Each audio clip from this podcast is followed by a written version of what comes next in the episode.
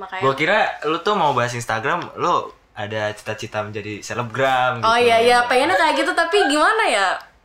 Orang-orang yang menggunakan Instagram Stories ini suka banget ngeliat updatean orang lain. Tapi mereka ternyata nggak terlalu tertarik untuk memberikan tanggapan. Jadi mereka tuh cuma sekedar pengen tahu aja sebenarnya hidup orang lain tuh kayak gimana sih tapi mereka nggak memberikan feedback juga gitu. Nah, itu tadi benar, mawas diri gitu. iya. Kalau lu ngepost Instagram aja lu sampai mengevaluasi ini foto bagus apa enggak, kenapa Iya. enggak lu terapin di kehidupan lu gitu, selesai semua. iya bener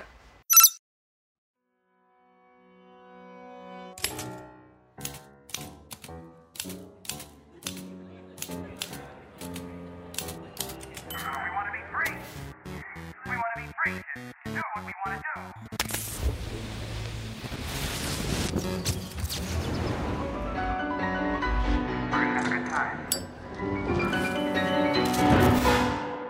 You're listening to Podcast Pecah.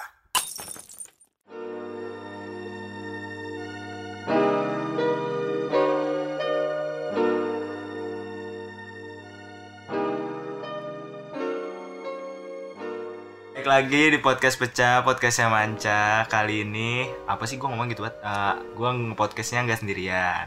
Di sini bareng sama Nona. Yo, Yeay. sama Nona gila. Lu mesti tahu nih teman-teman pendengar. Rekamannya di kamar Nona nih gua. Gila kata. Lu harus membayangkan ya. Ini gua gua nyuruh ini gua nyuruhnya harus membayangkan malah bukan tidak membayangkan. Tapi ya udahlah ya. Eh, jadi Nona Nona nih siapa? Kenalkan dong Ah, jadi namaku Nona yang sekarang baru jadi alumni komunikasi UGM. Wih. Yeay.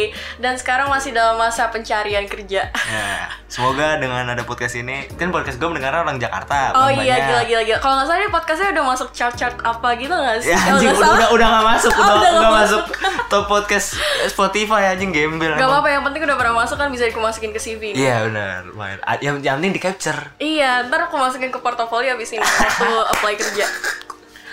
ya tadi maksudnya siapa tahu nih yang dengar karena banyak yang dari Jakarta, mungkin ada apa sih namanya agensi ya? Iya, Anjing, ini positif. agency atau startup atau Iya. apa pun Gila, lah. Tumben banget positif di podcast ini. ya jadi Nona ini adalah temen SD-nya Mbak Pacar. Iya, betul. Jadi kayak gitulah pokoknya ya. Jadi Nona nih anak eh alumni alumni alumni komunikasi UGM.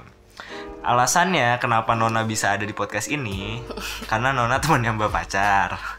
Kedua, karena Nona ini skripsinya menarik ya.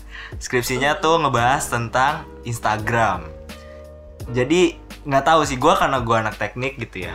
Maksudnya kayak ya gue tak maksud gue gue nggak kebayang sih skripsi tuh bisa bahas Instagram, Instagram. gitu sangat konservatif memang walaupun gua uh, rada, udah maksudnya apa ya kebayang juga mungkin ya maksudnya kemungkinan anak ada orang yang membahas tentang itu tapi alhamdulillah deket maksudnya reachable gitu nona gitu teman yang bapak pacar ya kayak ini kayak menarik nih gitu jadi teman-teman. Nah gimana non skripsi lu tuh ini gini deh ber- eh, pertanyaannya ini kayak ngobrol aja lu juga boleh nanya gua. Oh ya alasan gue juga ngebahas nona gini karena eh memotivasi diri Jadi gitu Biar apa emang? biar skripsi gue cepet selesai juga. Oh gitu. karena sumpah ada cuy. Ada yang email gue Mm-mm. dia nanya email lagi nih bang kapan lulus? Kayak gue tuh udah seneng ya. Kan yang email jarang juga kan ke podcast. Terus kayak nanyain bang kapan lulus? Ah, anjir kata gue sialan banget. Tapi kan bentar lagi sidang. ya amin. Terus eh, iya tadi pertanyaannya kenapa eh, kenapa lu tuh membahas Instagram ini judulnya apa sih judulnya, Judulnya- sederhananya kalau lu eh skripsi tentang apa sih nah gitu Oh, lu iya. ngasih tau orang tuh apa nggak mesti judulnya ding Intinya itu tentang gimana sih interaktivitas kita dalam menggunakan Instagram Stories itu bisa mempengaruhi user engagementnya Instagram. Sebenarnya sesimpel itu sih. Oh, user engagementnya Instagram. Iya betul. Jadi kan eh, sebenarnya kenapa pertama kali aku bisa kepikiran buat ngangkat topik ini? Ah, ah. Karena simple. Karena aku suka banget pakai Instagram Stories. Oke. Dan aku juga ngeliat teman-temanku banyak banget yang suka pakai Instagram Stories dan kayaknya retweet. Anjing gua nggak boleh ngomong retweet dan kayak ya sekarang siapa sih yang nggak suka pakai Instagram Stories gitu kan? Pasti Oh. semua orang banyak orang yang catching up with each other lewat updatean Instagram Stories. Ah, betul, betul, betul. Jadi kayak eh jadi insightnya tuh kayak gitu karena aku Ah. ngeliat orang-orang di sekitarku banyak yang mereka justru mendapatkan topik pembicaraan untuk bisa ibaratnya silaturahmi dengan teman-teman mereka lewat update Instagram Stories itu sendiri. Iya, iya. Jadi akhirnya aku jadi penasaran kan, sebenarnya Instagram Stories ini gimana sih? Nah dari situ eh, pertamanya aku bukan mau fokus ke user engagement, Heeh. tapi aku lebih pengen ngeliat paid promote-nya justru karena kan sekarang ini banyak banget ya selebgram muncul. Oh, yang Insta story-nya sampai jahitan ya? Iya yang kayak gitu dan mereka kan banyak banget yang terima paid promote. Ah. Jadi sebenarnya awalnya pengennya kayak gitu, tapi Oh. setelah uh, melalui masa-masa kontemplasi Siap. dan meditasi dan segala macamnya, akhirnya uh, setelah konsultasi sama pembimbingku juga disarankan lebih baik fokus dulu ke interaktivitas dan user engagement ini. Karena kalau misalnya ke paid promote dan ke social media influencer itu masih agak jauh gitu. Oh. sebenarnya kayak oke, gitu sih. oke, jadi makanya Gua kira lu tuh mau bahas Instagram, lu ada cita-cita menjadi selebgram oh gitu. iya iya pengennya kayak gitu. Tapi gimana ya? Tampangnya nggak ada gitu. Modal utamanya nggak ada. Jadi ya Sosial kapital tapi mendukung sosial kapital. ya separoh ya menuju lah ya menuju ke sana Aduh, tapi ya ya gue pernah denger wawancara apa gitu. Jadi kayak dia kayak ada orang dari berbagai latar belakang gitu kan. Ada yang dibilangnya sosial media expert, ada yang ada apa, ada apa. Terus ada satu ustadz gitu. Jadi Ustadz. ada ustadz sumpah di, di, di jadi itu semacam debat deh. Kalau nggak salah apa sih yang debat di TV One itu? Eh, ILC. yang, eh, yang lawyers itu Iya, Ah, Indonesia Lawyers Club itu kalau nggak salah di situ deh. Jadi eh, si ustadznya ini nyebelin emang. Dia bilang kayak gini, di sini ada sosial media expert. Tapi kenapa sosial media expertnya followernya lebih sedikit dari saya?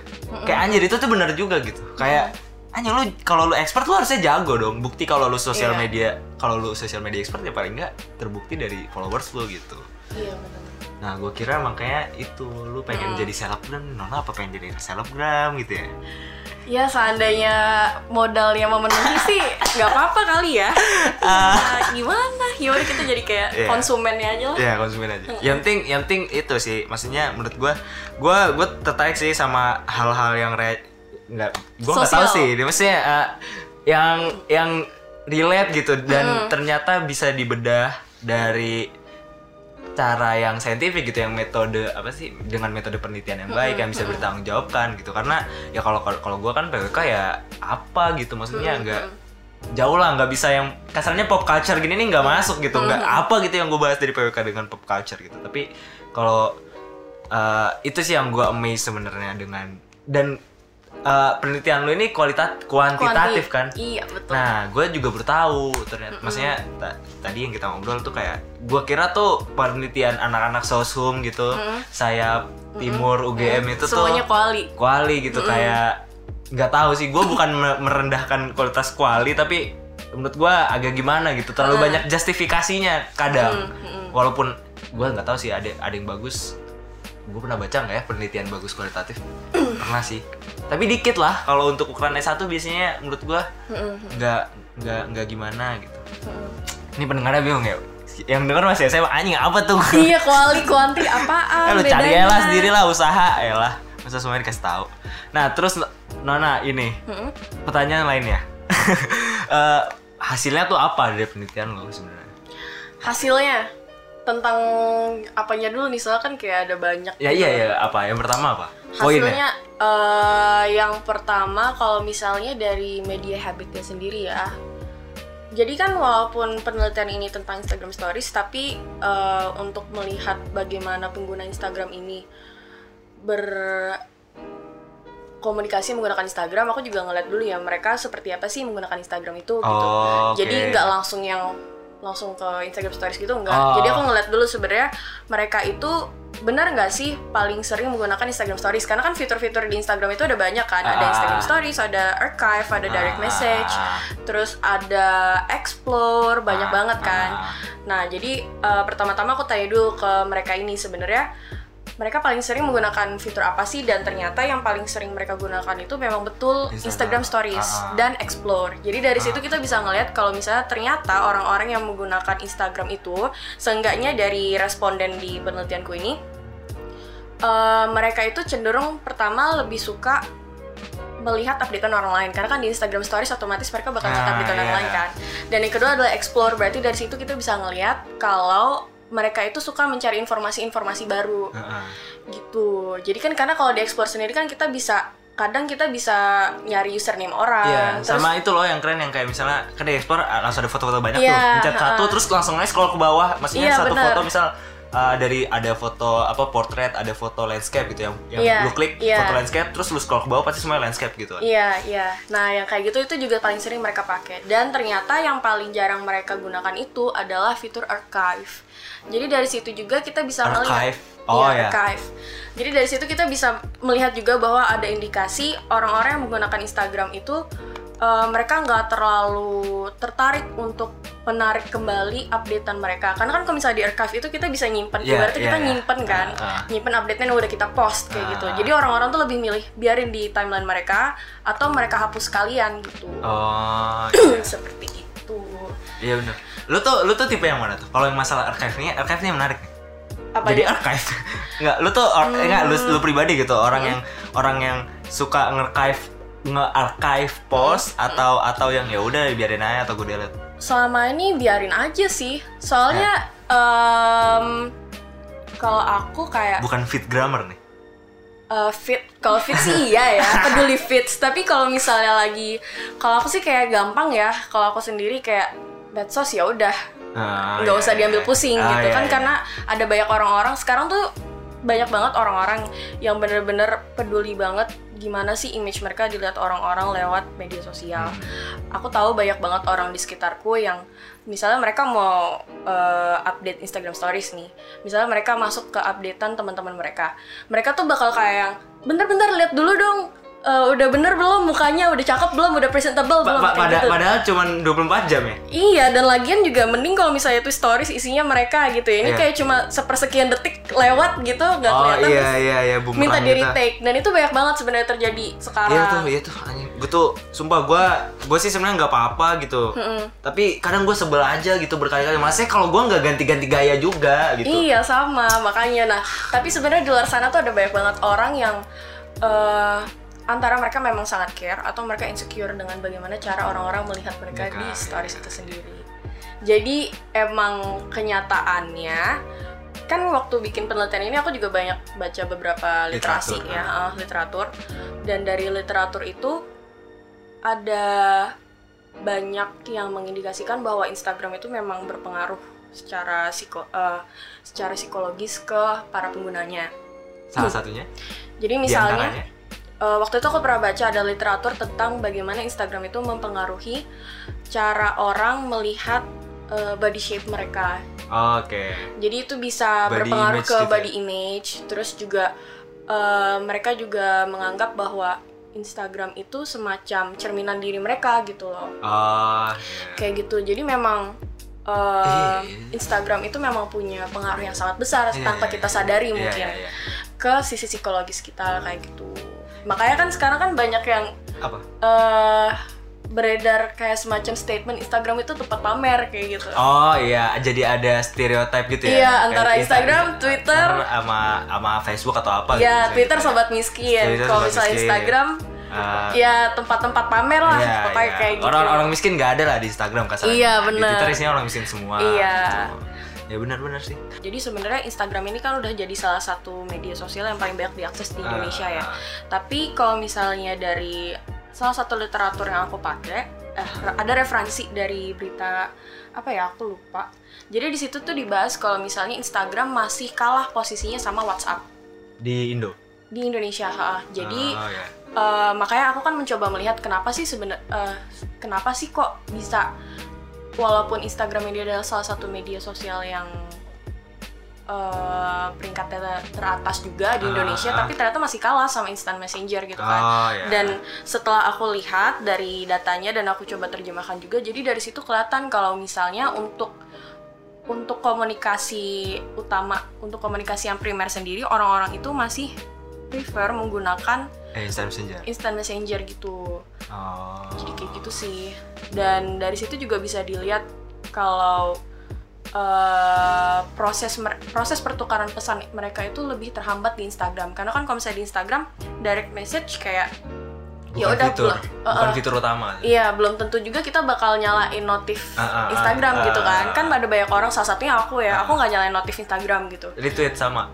Iya, jadi kalau misalnya ada orang yang nge-like, ada orang yang ngirim Iya, DM, iya, iya, iya, aku nggak iya. bakal langsung tahu Iya, juga gitu. tahu. Tapi orang-orang rata-rata kan pasti mengaktifkan ini ya notif kayak Line, Oh, WhatsApp iya, iya. gitu. Jadi tetap mereka untuk saluran komunikasi utama mereka tetap lebih di mengarah bisa messenger Iya, terutama WhatsApp itu. iya tapi WhatsApp tuh itu banget sih kebanyakan hoax gitu males gue bukanya Iya, karena banyak grup, grup keluarga. grup keluarga gitu iya, bener. kayak aduh emang gemesnya pakai WhatsApp tuh itu tapi eh, nggak heran juga sih kalau misalnya WhatsApp menempati salah satu peringkat teratas di Indonesia karena kan WhatsApp itu dia range umurnya luas ya. iya iya iya Kalau misalnya lain kan biasanya ya anak-anak seumuran kita Iya, gitu iya. yang muda-muda lah Milenial. ibaratnya bapak-bapak Iya, ibu-ibu. bapak ibu gak, nggak ada. Iya, mereka nggak akan pakai Makanya gue gue amazing sama ada grup keluarga yang di line. Gue gue salut Iya, iya, loh. iya. Ada tuh teman gue.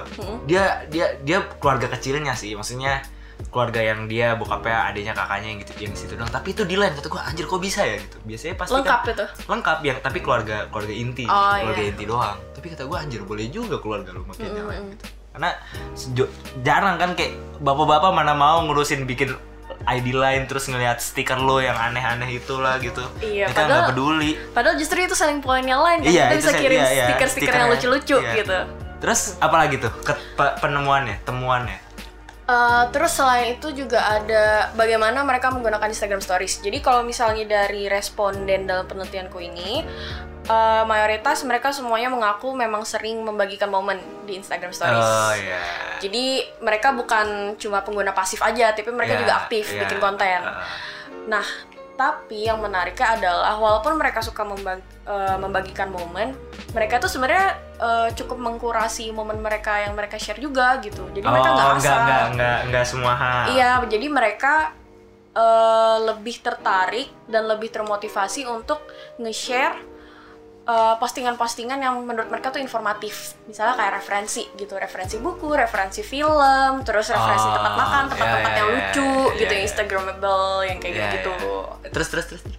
Nah, yang kayak gitu. Makanya kan kita sekarang sering ngeliat ya orang-orang kalau misalnya ada film apa gitu, mereka update Semacam rating, ngasih review. Iya, ngasih rating, ngasih review Iya. kayak gitu. Nah, itu tadi karena orang-orang yang menggunakan Instagram Stories ini, at least dari apa yang Responden. uh, uh, responden dari penelitianku ini, mereka lebih suka yang sifatnya lebih informatif gitu. Dan selain itu, yang menarik lagi adalah em, orang-orang yang menggunakan Instagram Stories ini suka banget ngeliat updatean orang lain. Hmm. Tapi mereka ternyata nggak terlalu tertarik untuk memberikan tanggapan. Jadi mereka tuh cuma sekedar pengen tahu aja sebenarnya hidup orang lain tuh kayak gimana sih. Tapi mereka nggak memberikan feedback juga gitu. Nah, nah it, it, it- Gitu sih. itu itu sih itu sih yang yang yang toxic menurut gue. Kayak kadang tuh kayak apa ya misal misal nih basic yang terjadi di kalangan mahasiswa zaman sekarang ya maksud gue. Eh, i- s- apa sih namanya sidang sidang set teman-temannya datang foto-foto tak tak tak tak tak nanti ketika prime time dia akan masukin semua foto itu ke snapgramnya dia dia masukin tapi sebelum dia masukin foto pertama dia akan membuat satu satu foto sebelumnya Buat jadi cover highlight. Enggak. Oh, apa? Sorry guys, nanti gue mau spam ya. Oh iya Jadi iya. kalau iya. nggak suka di Di swipe aja. di swipe aja Iya, gitu. iya. Dia pikir dia ada orang yang peduli apa gitu. Gue juga tahu kali kalau misalnya gue nggak lihat foto lo yang gitu-gitu semua, tinggal gue swipe kalau gue bosen gitu. Gue nggak peduli sama lu aduh. Tahu nggak kenapa bisa kayak gitu? Kenapa? Tapi ini uh, my personal opinion ya. Iya, Maksudnya nggak ada scientific fact-nya Iya. atau apa. Kalau menurutku kayak gitu karena orang-orang tuh pengen memberikan justifikasi gitu loh. Jadi kayak deep inside mereka tuh tahu ini tuh bakal dianggap nge-spam sama orang Ah, lain, tapi ah. mereka pengen kayak yang uh, bersikap defensif. Ah, Jadi iya. seolah mereka tuh memberikan disclaimer di awal. Eh, Kalau misalnya eh, ini loh, gue tuh ngerti gue bakal nge-spam, Iya. tapi gue nggak mau lu lu pada kayak ngejudge gue Iya spammer. ngejudge atau protes gitu. Ah, Jadi iya. makanya dia tuh seolah-olah bilang di awal kalau misalnya Ya, ka- kalau kalau terkait itu ya, kalau menurut gue ya, kalau misalnya apa, lu kalau mau nggak kena spam di sosial media ya lu blok aja sih gitu menurut gue. Maksud gue pa- paham gak sih? Misalnya Iya, gue iya. nih ngelihat orang yang kayak gitu, ya. nggak suka ya udah gue blok gitu selesai Iya. gitu. Tapi Ya di mute apa sih di mute ya, ya di mute ya gitu. Maksudnya kayak menurut gue itu sih nggak tahu ya kenapa. Itu yang menurut gue disayangkan gitu. Lu tuh lu peduli gitu dengan lu takut dianggap spammer gitu tapi menurut gue di sisi lain lu juga berhak untuk nggak peduli lu juga berhak untuk ya udah langsung Iya. di mute aja gitu selesai karena lu nggak bisa ngatur orang buat nge-spam gitu kan itu Iya. Instagram Instagram dia gitu Iya. dan nggak Instagram juga nggak melarang itu nggak ada larangan Instagram misalnya sehari minimal um, eh Iya. maksimal lima kali ngepost gitu kan nggak ada gitu tapi Iya. mas gue kalau lu kalau lu merasa itu sesuatu hal yang annoying ya tinggal di mute aja banyak kok gue orang yang gue di Instagram sih sebenarnya nggak begitu sering buka ya sering buka cuman Hmm. kayak karena eh, Instastory tuh kan mahal ya maksudnya kuotanya banyak banget Iya, gue iya, mager iya. paling kayak Boros. cuman satu dua udah selesai gitu Hmm. dan itu cuma sekedar kalau di line sih di line gue tuh banyak banget tuh orang yang gue hide gue Hmm. block gue ah bodo amat lah tapi karena sebel aja gue ngelihat orang-orang itu berisik apa segala macam nggak tahu sih tapi kadang eh, nggak tahu sih ya kalau misalnya orang-orang lain gimana Hmm. tapi kalau misalnya aku lihat dari lingkungan-lingkungan yang pernah aku ada di situ aku melihat bahwa orang-orang tuh masih agak baperan masalah blok-blokan ini gitu Nah itu, nah itu ya yang yang itu sebenarnya yang menarik tuh. Kayak ada nggak sih ya orang yang bisa ngejelasin kayak berapa banyak sih orang yang masih temenan setelah ngeblok gitu sih? Gue Iya, kepo iya. banget sih. Karena kalau gue pribadi gue ngeblok orang gitu. Ya udah itu Iya. in- ya udah di sosial media aja Iya, gitu. Di iya. kehidupan mah kita sans gitu. iya tapi banyak orang yang bakal kayak mikir Ini kenapa ya? iya kok gue di blok ya ini orang kenapa ya kayak gitu-gitu gitu jadi kayak yang em, dia di blok dia menganggap bahwa itu adalah personal attack ke dia kayak Iya, gitu iya, padahal kadang-kadang ketika kita ngeblok atau nge-mute orang atau nge-hide bisa jadi karena simply karena kita nggak mau ngeliat konten dia atau Iya. kita nggak mau kok konten kita dilihat sama dia Iya, kayak gitu iya. tapi kalau misalnya di lingkungan sekitar tuh kayak emang masih banyak yang mengasosiasikan blog dengan tanda permusuhan gitu Iya, iya betul betul betul. karena orang itu tadi mereka terlalu mencampur adukan personal life dengan sosial media. Iya, itu. Itu lu tahu sesuatu nggak tentang personal life dan sosial media? Hmm, jadi Ketercampuran ya, ketercampuran apa sih bahasa jadi gini kalau misalnya di Instagram itu, Instagram itu kan media sosial yang terkenal dengan konten yang sudah terkurasi. Jadi orang-orang yang biasanya ngepost di Instagram itu pengen mereka itu nge-share best moments mereka gitu. Oh ya. Jadi mereka akan milih foto yang lebih bagus, Oh, iya, video iya, yang iya, paling iya. bagus Ah. untuk nge-feeds yang kayak Iya, gitu-gitu iya, loh. iya, iya. Sementara kalau misalnya di media sosial lain kan mungkin orang-orang nggak akan nggak akan semawas diri itu gitu ya dalam Oh, mengunggah konten kayak gitu. ah. Nah, eh, itu soal Instagram sebagai media sosial yang lebih terkurasi daripada Ah. media sosial lainnya.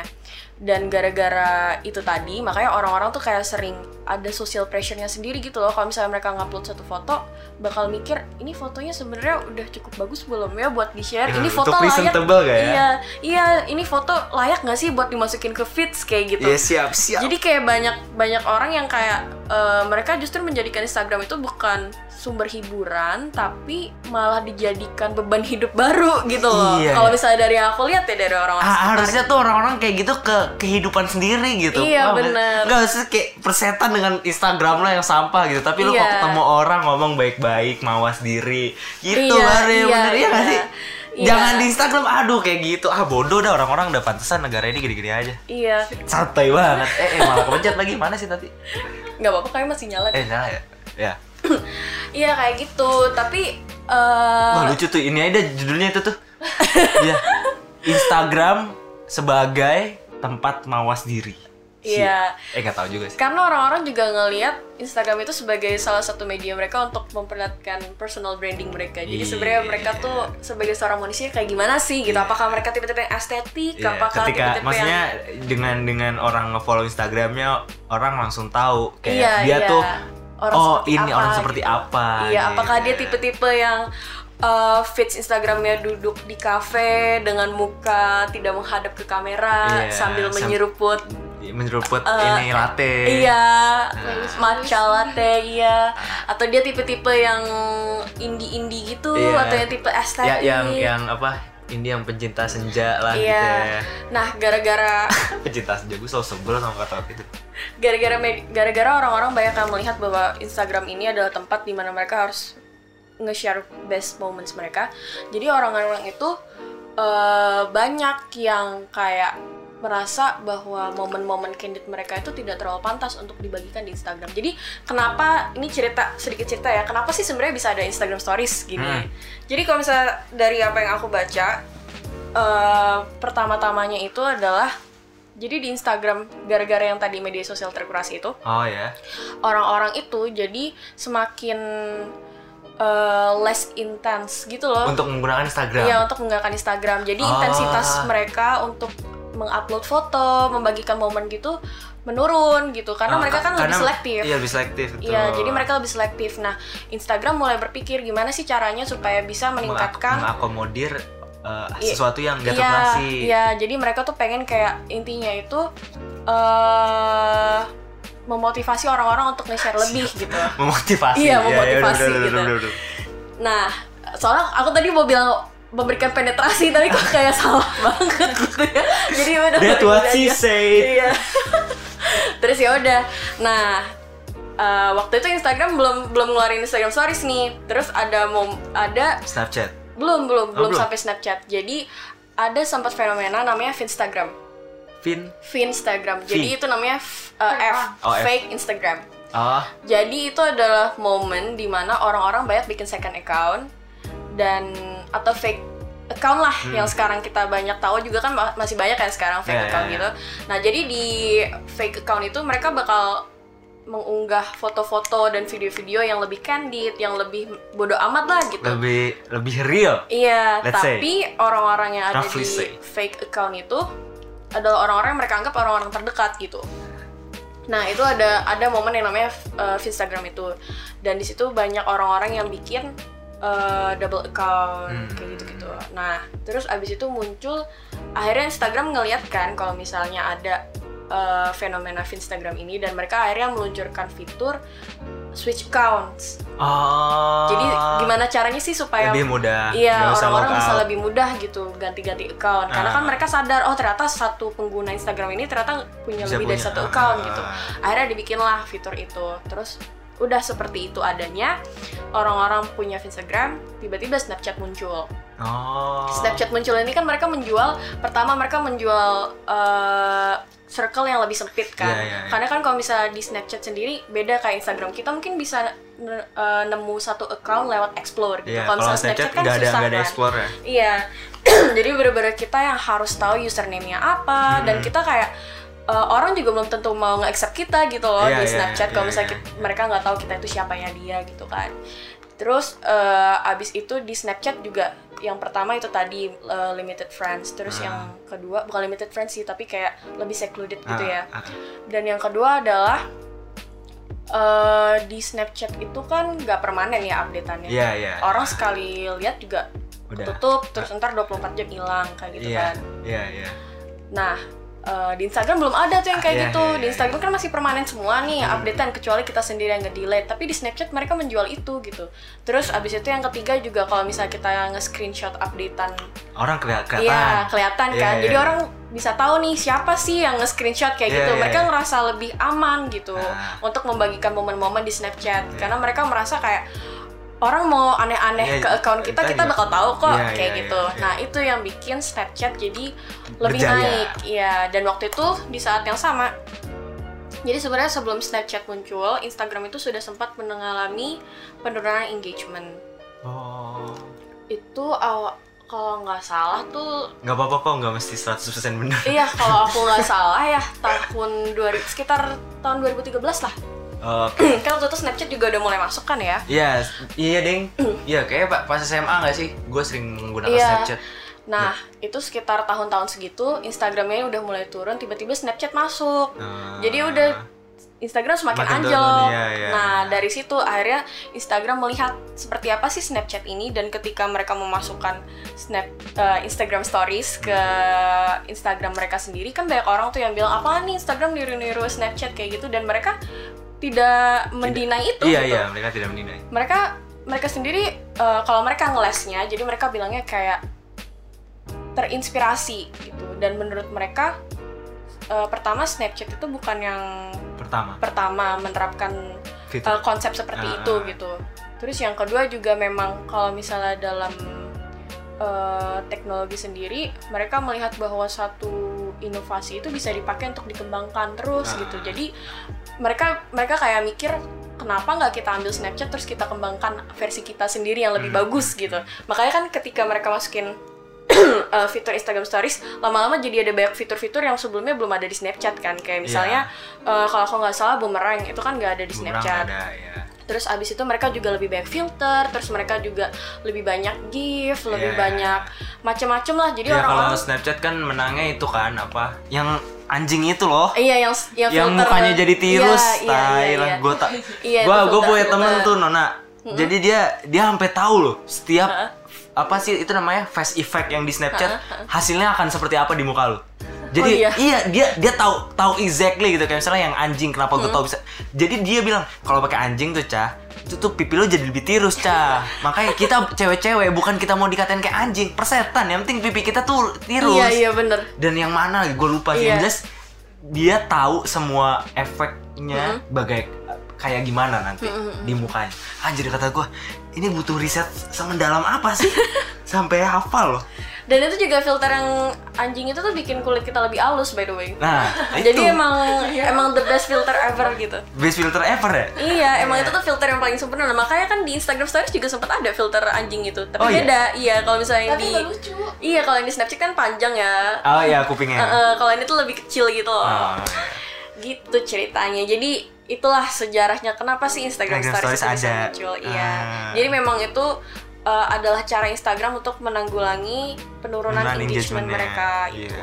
Dan kenapa menurut mereka sendiri engagement itu penting? Karena Instagram itu simple ya. Mereka kan gratis. Mereka jualannya di iklan. iya kalau Dan ketika engagement itu turun otomatis nggak ada yang mau iklan iya betul. Karena kan memang itu kan yang dilihat Hmm. para pemasar kalau misalnya mereka mau iklan ya mereka pasti make sure-nya dilihat nggak dilihat nih iklan iklan. kita dan bukan cuma sekedar dilihat tapi apakah tepat Iya iklan kita itu bisa engage dengan para audiensnya. Apakah audiens bisa mengingat iklan kita? Apakah mereka akan eh, melakukan satu aksi terhadap iklan kita? Misalnya mereka membuka jadi membuka Link. profil kita, Ah. membuka link atau komen atau Ah, like. Semua itu ah. kan penting ya kalau misalnya kita belajar iklan Iya, kayak iya, gitu. iya, iya. semua atas nama pasar ya memang Betul. Jadi intinya adalah Instagram tuh takut pasar mereka menurun dan jualan mereka nggak ada yang Nggak beli iya, gitu. iya udah yang pakai gratis kan Iya Benar makanya. juga sih. Tapi eh, apa ya? Ya ya ya iya maksud, maksudnya kayak emang sekarang tuh ya roughly say sih maksudnya. Orang tuh ke Instagram ya cuma cuma buat Insta story doang sih kasarannya gitu. Iya. Kayak pasti gue yakin kalau dibikin surveinya gitu. Lu mau fitur Instagram yang yang mana yang hilang? Let's say Instagram mau ngilangin semua fitur tapi lu harus milih satu fitur yang mau lu bawa sampai habis. Pasti gue yakin lebih banyak Insta story-nya. Karena itu tadi yang Nah. kayak yang aku bilang di awal, kadang Apa apa tadi media Eh, presence apa media? eh, kadang kita udah lama nih gak kontak-kontakan sama orang, Hmm. terus tiba-tiba ngelihat storiesnya yang menarik atau misalnya kita bisa relate dengan storiesnya, bisa jadi bahan obrolan baru gitu Iya loh. bener. Jadi misalnya, Iya emang emang iya kan? iya itu bener banget sih kayak kalau misalnya ket- ketemu orang, maksudnya jangan kan misalnya kita ketemu atau gimana, terus eh, kita lagi ketemu lagi ngobrol terus tiba-tiba tiba-tiba kayak eh lu lihat gak tadi snapgramnya si ini kan sih kayak iya. gitu. Atau misalnya udah lama nggak ketemu sama temen, misalnya Iya. aku sama Putih gitu, Iya. udah lama nggak ketemu, tiba-tiba dia update lagi di Samarinda. Iya. Aku langsung bilang, ih Eh, Put kok iya, di iya, sana sih bla bla bla, jadi ngobrol bener, gitu. bener. Misalnya udah 10 tahun nggak ketemu kan gitu juga bisa ya. Itu satu. Terus yang kedua, intinya orang-orang tuh kepo. Iya, iya. Jadi kan uh, waktu aku bikin penelitian ini, aku kayak nanya sebenarnya apa sih alasan kamu suka pakai Instagram Stories? Karena kan responden responden dari penelitianku ini memang orang-orang yang aktif menggunakan Instagram Berapa dan sih? aktif 400 orang. 400 orang. Iya. Dari Karena umur dari umur range 18 sampai 29. Jadi memang pengguna aktif pengguna Instagram. aktif ya. Ya, jadi aku tanya ke mereka sebenarnya apa sih yang bikin kamu hal apa yang kamu sukai dari fitur Instagram Stories? Ah, Karena kan memang mereka orang-orang yang rutin mengakses Instagram dan Instagram Stories setiap harinya. ah, Dan di situ mostly orang jawab karena intinya mereka kepo, mereka pengen tahu kehidupan orang lain itu seperti apa, mereka juga pengen catching up Hmm. dengan apa yang terjadi di sekitar mereka Ah. gitu. Karena kadang-kadang juga kan kita sebenarnya pengen tahu tapi males nanya gitu kan. Ah, Nah, ah. Instagram Stories ini adalah Mem- memprovide itu. Iya, jadi mereka memberikan jawaban. Iya, the one million questionnya tuh Iya. gue malas nanya tapi gue kepo sama orangnya. Iya gitu. bener Makanya kan kadang-kadang juga yang lebih Kalau menurutku yang mengerikan adalah ketika kita udah uninstall Instagram Dan itu membuat kita jadi nggak tahu What's going on iya, dengan iya, iya. orang-orang di Iya. sekitar kita Dan itu banyak terjadi tau Iya iya iya. Kayak katakanlah kayak lu nggak punya kuota gitu terus nggak ada wifi iya. itu tuh kayak anjir ini ada apa nih? Iya. Ada apa nih gitu sih.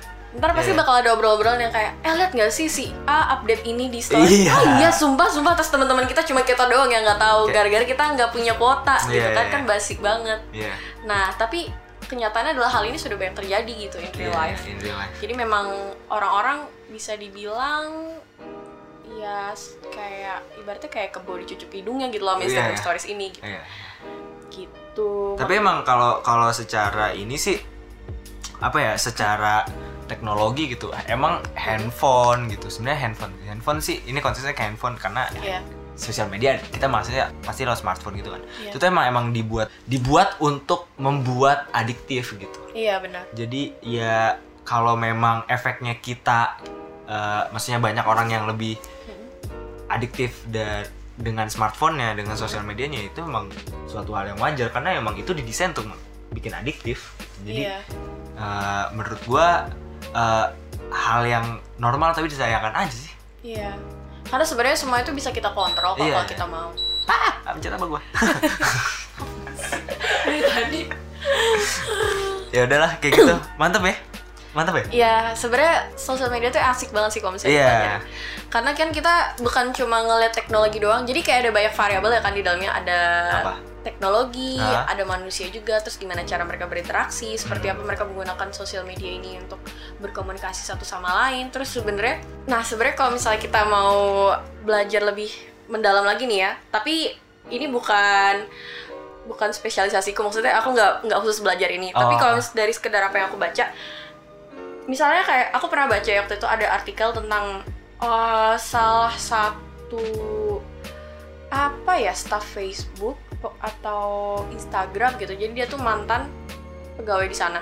Jadi hal-hal sesimpel seperti misalnya kita mungkin ini agak nyerempet sama user experience dan user interface kali ya. Jadi misalnya hal-hal sesimpel kayak Facebook. Eh, kenapa sih notification mereka itu warnanya merah oh padahal iya. warna mereka kan biru semuanya ah. itu dibikin supaya lebih pop out gitu. Jadi Ah. ketika ada notification masuk, fokus kita langsung larinya ke situ gitu. Langsung kayak ini apaan sih dan otomatis kita penasaran kan ngeliat angkanya, oh bahkan ada satu notification aja kita pasti bakal pengen buka kan Hmm. kayak gitu. Makanya kenapa mereka pilih warna merah di saat Facebook itu semuanya biru putih gitu kan. Langsung ada yang mencolok. Nah, terus ada juga tombol like. Tombol like itu dibikin kan karena supaya kita bisa memberikan feedback ya Hmm. dan kadang-kadang ketika kita sudah memberikan feedback ke orang kita tuh jadi mikir juga kalau misalnya kita yang ngepost kita dapat feedback seperti apa ya jadi Oh, kita iya. nunggu-nunggu nih likes kita berapa Eh, gue tuh orang yang malas nge-like, nge-like tau. nah ada banyak orang yang kan yang kayak eh, sekarang tuh banyak banget ya orang yang misalnya ngepost nih biasanya mereka dapat likes misalnya di Instagram 200 tiba-tiba dapat post, 100 iya. pusing tuh mereka kayak Damn. kenapa ya apa yang terjadi ya Gua, dengan gua, hidupku gua tuh sebenarnya gua gua punya temen gitu, temen udah terlanjur deket gitu. Mm-mm. Kenapa gue bilang terlanjur? Karena dia tuh orang yang kayak gitu. Kayak kayak mau perhatikan les gitu anjing gue udah terlanjur deket lagi sama nih Iya. orang gitu. Dan kayak kayak mau memutuskan tali silaturahmi itu gimana sih caranya? Mm, mm, mm, mm, mm. Sebel gua. Iya, dan sebenarnya gimana ya? Sebenarnya hal itu juga nggak salah sih. Maksudnya kalau Iya, misalnya itu memang terserah dia juga. Iya, kalau misalnya concern orang-orang ada di situ, yang salah adalah ketika kita membiarkan jumlah likes itu mempengaruhi eh, Kehidupan. keseharian kita Iya, gitu iya, kayak. iya, iya. Ya udah gitu, Yang mungkin kita jadi campur campur Iya, aduknya nggak ada iya. batas antara media sosial sama real life lu tuh mana gitu. Iya, jadi sebenarnya kalau misalnya kita mau ngomongin sosial media itu kayak gitu, memang semua elemen yang ada di dalamnya itu diciptakan untuk bikin kita ngerasa kita harus ngakses gitu. Nah, itu baru kita tadi baru ngomongin hal-hal Ah, sesimpel simpel. tombol, Iya, warna, iya, iya. terus fitur. Belum Nah. lagi kalau misalnya kita ngomongin hal-hal yang lebih luas kayak eh, mungkin fitur-fitur seperti direct message misalnya mereka mereka tuh eh, menerapkan fitur ini untuk apa sih? Mungkin untuk memancing orang.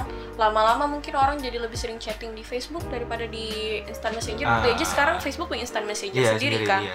Nah, yang kayak gitu-gitu. Jadi memang uh, sosial media itu mau nggak mau kita harus belajar kontrol diri aja sih kalau Iya. menurutku kayak gitu. Itu tadi benar, mawas diri gitu. Iya. Kalau lu ngepost Instagram aja lu sampai mengevaluasi ini foto bagus apa enggak, kenapa Iya. enggak lu terapin di kehidupan lu gitu selesai semua. Iya bener. Ya, Mm-mm. nice. Udah, Udah. udah, nice. Yeay. Terima kasih Nona sudah datang di podcast pecah. Gokil. Oh iya. Jadi mau ada Intisari. kata-kata terakhir? Kata-kata Kata-kata terakhir. terakhir. Ya pesan Oh ya pesan-pesan aja. Jadi ya saya bukan sosial media spesialis Iya, ya teman-teman. Karena followernya dikit, nggak nggak cocok ngomong kayak gitu. Iya, saya hanyalah seorang mahasiswa yang eh ex mahasiswa yang ingin berusaha lulus. Ah. Makanya saya memilih Instagram yang kebetulan paling sering saya akses setiap harinya. Deket Jadi gitu eh, segala informasi yang disampaikan mungkin bisa sambil dibaca-baca lagi gitu Iya, maksudnya. Sambil cari-cari eh, referensi soal sosial media banyak kok yang ringan, banyak Hmm. iya. yang menarik juga Iya, iya. kayak eh sekarang kan kalau misalnya mau baca-baca artikel-artikel kayak gitu nggak usah misalnya kita mau nyari ke news portal baca aja di medium juga banyak kok Iya, iya. bahasan-bahasan kayak gitu Iya. jadi ya itu sih sebenarnya dan pesan lainnya adalah jangan mau diperbudak medsos sih udah gitu aja medsos gak dibawa mati Nah, iya. sesimpel itu Iya, nggak apa-apa kali orang nih lihat foto lu yang zaman dulu pakai filternya masih kamera 360. Iya, nggak bener. apa-apa, itu Iya, emang bener, masanya bener, gitu. Itu tuh bagian dari kehidupan lu yang harus lu terima. Kalau lu Iya. nggak terima itu berarti lu nggak terima diri lu juga yang sekarang dong. Iya, dan kalau misalnya jumlah likes kalian turun, nggak apa-apa. Bukan berarti orang-orang yang suka sama kalian lebih dikit, bukan. Iya, Mungkin emang algoritma Instagram yang bikin postingan kalian gak muncul di followers kalian. Betul, betul lah itu juga bisa. Jadi intinya adalah lebih banyak membaca. Pokoknya kalau misalnya mau pakai apa-apa, misalnya kayak medsos gitu Iya, ya, iya. ya cari tahu sebenarnya medsos tuh seperti apa sih Iya, gitu. iya benar-benar. Karena ujung-ujungnya mereka juga jualan. Jadi kalau lu Iya. bukan kasarannya nih, lu tuh calon konsumer nih. Menurut mereka lu bukan calon konsumer yang menjanjikan. Ya udah kalau lu dibuang sama tuh platform ya wajar karena Iya, emang lu juga nggak worth it buat jualannya mereka. Dan lu harus tahu diri. Oke? Dah gitu aja ya. Terima kasih. Nona udah datang ya. Iya, sama-sama. yang datang. Iya, eh, ini podcast terintim mungkin ya, Iya. karena dilakukan di kamar Dila- tidur. di dilakukan atas- di kamar. Iya, di gila. atas ranjang. Lagi nih gue kasih tahu kalian harus membayangkan.